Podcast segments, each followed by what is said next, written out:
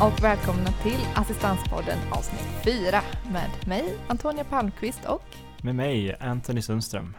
Dagens ämne som vi ska prata om är personlig assistans och sondmatning. Mm. Du Antonia, vad är sondmatning för någonting? Ja, alltså det här är ett ganska omdiskuterat ämne, särskilt under våren 2018 och även fram till nu. Mm. Eh, då det är kopplat till det grundläggande behovet måltid. Sondmatning då, nu tittar jag lite fusklapp på vad definitionen är. Det är en Eh, det innebär en näringstillförsel som sker via en tunn eh, gummislang antingen genom näsan eller och svalget eller så kan det också ske eh, direkt in i magsäcken via en PEG eller en sån där gastroknapp. Mm. Men jag vill ändå säga att vi ska inte gå in för mycket på det medicinska för det är inte vårt expertområde utan ja, jag tänker vi försöker koppla det här till just vad, vad har detta med att göra personlig assistans? Precis, förenklat kan man ju säga att det handlar om att man får näringstillförsel genom en slang som du säger, kanske genom ett hål på magen eller så. Och det sker alltså inte genom munnen som man tänker sig. Det, det normalt går till då. Och frågan då har ju varit om mm. den här näringstillförseln ska räknas som att man matas. Eh, därför att eh, Försäkringskassan ansett att det inte har varit det. Mm. Det kommer vi komma in på lite mer under avsnittet. Ja men precis och vi kan börja med att fråga, ställa oss frågan liksom, varför har det varit så viktigt det här att reda ut om sondmatning kan vara ett grundläggande behov eller inte?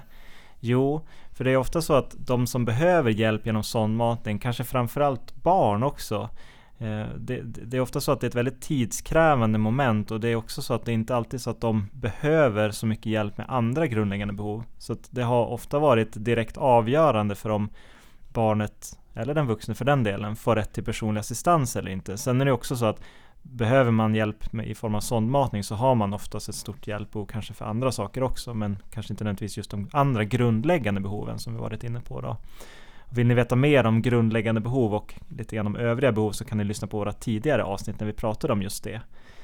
Ehm, men när det gäller för, för barn då som har behov av hjälp med sondmatning så kan vi nämna det också att, att det till viss del har varit diskussioner om det ska falla in under föräldraansvaret eller inte också. Att mata sitt barn då. Sen tänker jag att den största diskussionen kring varför just sondmatning har blivit så alltså omdiskuterat och varför Försäkringskassan eh, ansett att det kanske inte då ska eh, falla under eh, begreppet måltid. Det är för att detta har bedömts som egenvård. Mm. Och jag tänker att jag ska försöka eh, bena ut vad, vad egenvård är. Eh, och detta är då en, en hälso och sjukvårdsåtgärd som en läkare eller sjuksyster ansett att patienten kan göra själv i hemmet. Och om man ska dra det ganska enkelt mm. exempel är att egenvård innebär att gå till apoteket och köpa en Alvedon om man är i behov av medicin eller om man vill ta på sig ett par stödstrumpor. Det här mm. är att eh, klassas som egenvård. Och så även den mesta hjälpen med sondmatning.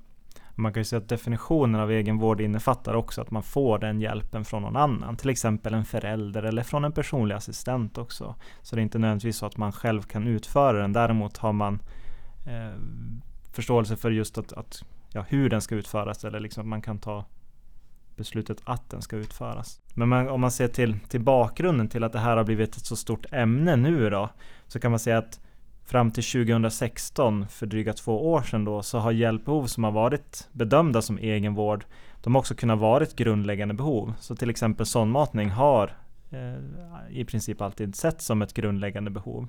Och det har inte varit något komplicerat i sig att göra den bedömningen. Men det var någonting som skedde 2016 och vad var det då som hände, Antonia? Jo, då kom Försäkringskassan med ett rättsligt ställningstagande. Eh, de hade då omtolkat en dom från 2012 från Högsta förvaltningsdomstolen. Eh, och då hade man tolkat den domen som att den innebar att egenvård inte längre kunde utgöra ett grundläggande behov utan man ansåg att det enbart kan vara ett övrigt behov. Vilket blir lite märkligt då eh, domen från 2012 handlar om eh, varma bad och massage ska räknas som ett eh, grundläggande behov och då kom eh, domstolen fram till att nej, just varma bad och massage eh, det är egenvård och det är inte grundläggande behov. Ja, precis. Och om vi ska knyta tillbaka till våra tidigare avsnitt där vi pratade om grundläggande behov och just personlig hygien så kanske det blir lite tydligare också varför man gjorde den bedömningen. För att varma baden i det här fallet syftade då till att hjälpa en person med svåra led, eh, en, en svår ledsjukdom då, att, att lindra smärtorna som uppkommer på grund av det här. Och det var alltså inte motiverat utifrån att det var fråga om personlig hygien. Så att då blir det kanske lite lättare att förstå varför Högsta förvaltningsdomstolen gjorde den bedömningen så. Men då har då Försäkringskassan lagt fokuset på att det just var på grund av att det var egenvård som mm. gjorde att det inte blev ett grundläggande behov. När det egentligen var så att, eller så som vi tycker då, att det var just att varma bad och massage inte är kopplat till personlig hygien. Så det är där mm. vi var. Mm. Men Anthony, varför kom det här eh, rättsliga ställningstagandet? Varför var det plockat rätt ur luften? Eller? Ja, man kanske inte tycker att det är plockat rätt i luften om man ser till en, en, bredare helhet där man såg att Försäkringskassan fick ju ett regleringsbrev där man konstaterade att Försäkringskassan skulle bryta kostnadsutvecklingen av assistansersättningen.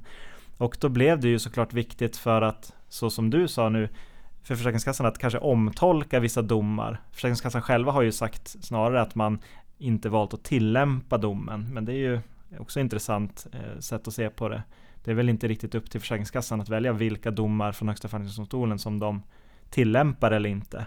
Utan det här var väl snarare en regelrätt eh, omtolkning av den domen då.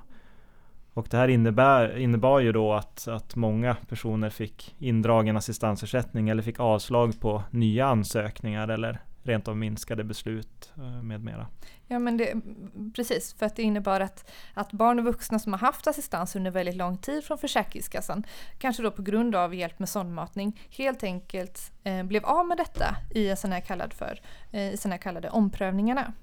Eh, vilket innebär, ja, det raserar väldigt, väldigt många personers liv helt enkelt och vardag.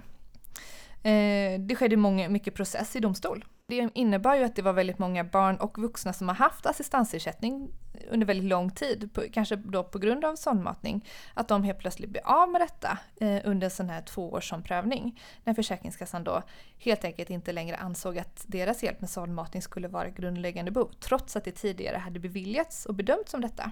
Mm. Så det innebär ju att mångas vardag blev helt raserade och man kanske då eh, var tvungen att processa i domstol. Och där har vi ju, det har varit väldigt många processer just i domstol gällande sondmatning. Hur ser rättsläget ut idag? Ja, som du säger så har det ju varit en hel del processer kring det här.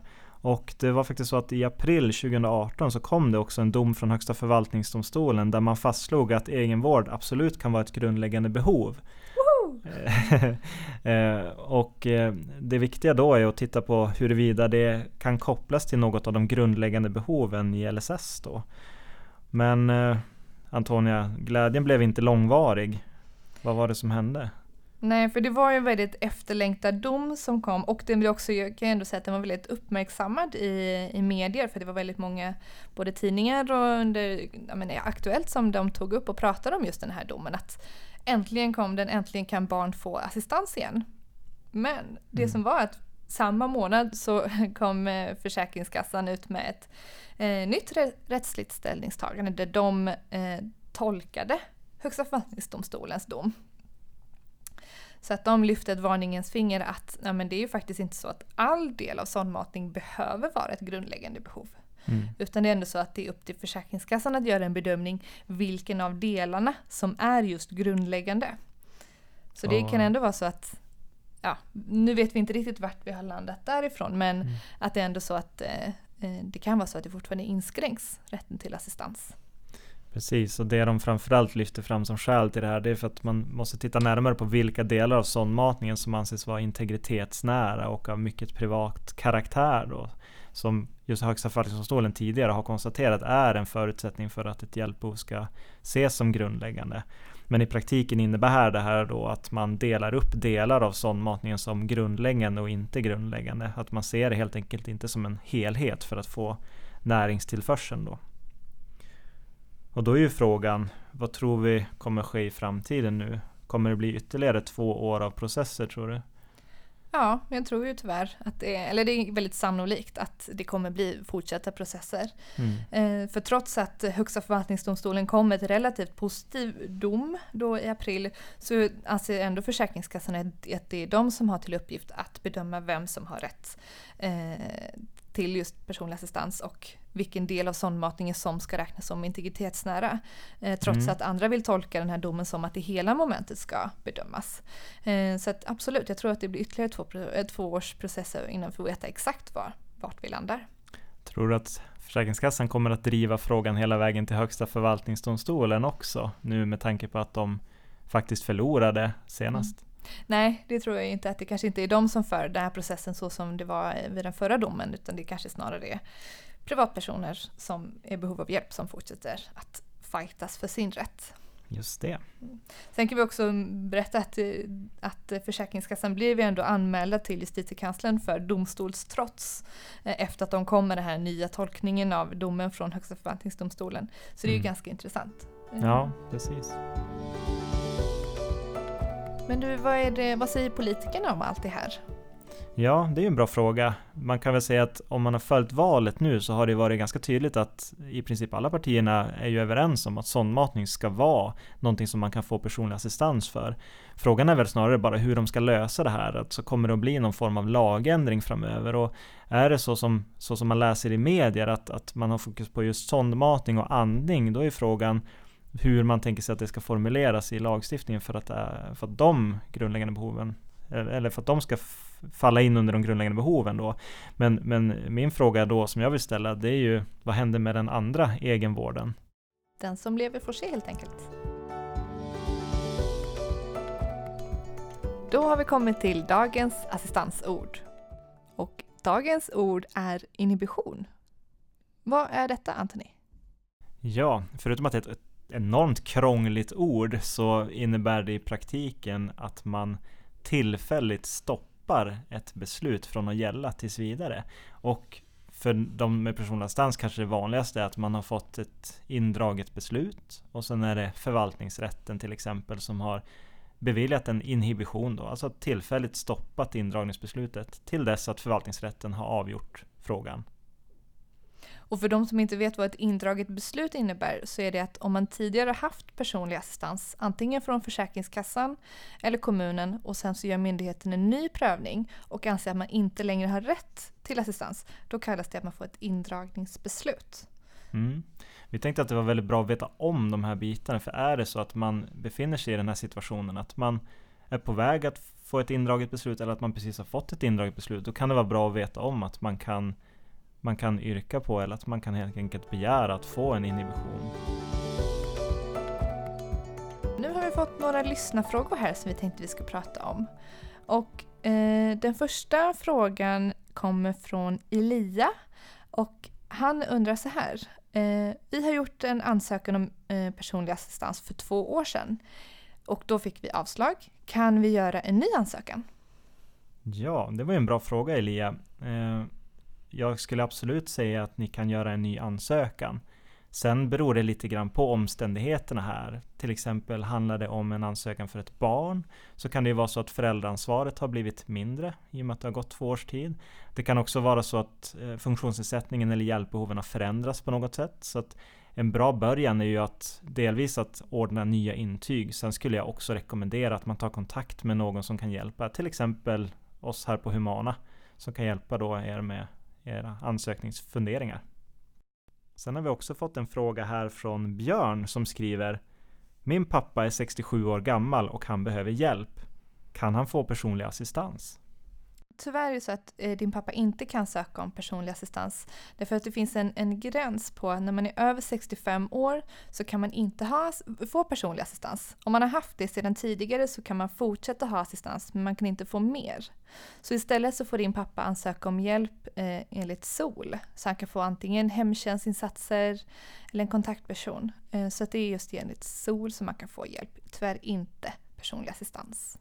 Kan bara tillägga att SOL är då förkortningen för socialtjänstlagen. Tack. Ja. eh, och om eh, ni eh, vill komma i kontakt med oss så får ni jättegärna höra av er per mail eh, till assistanspodden humana.se om det är så att ni vill ställa någon fråga eller har någon fundering över avsnittet som vi har eh, sänt. Ni får också gärna leta upp oss på Facebook, Instagram och Twitter om ni vill snacka med oss. Mm. Men eh, nu så tackar vi för oss. Ja, tack ska ni ha. Tack och hej! Hej!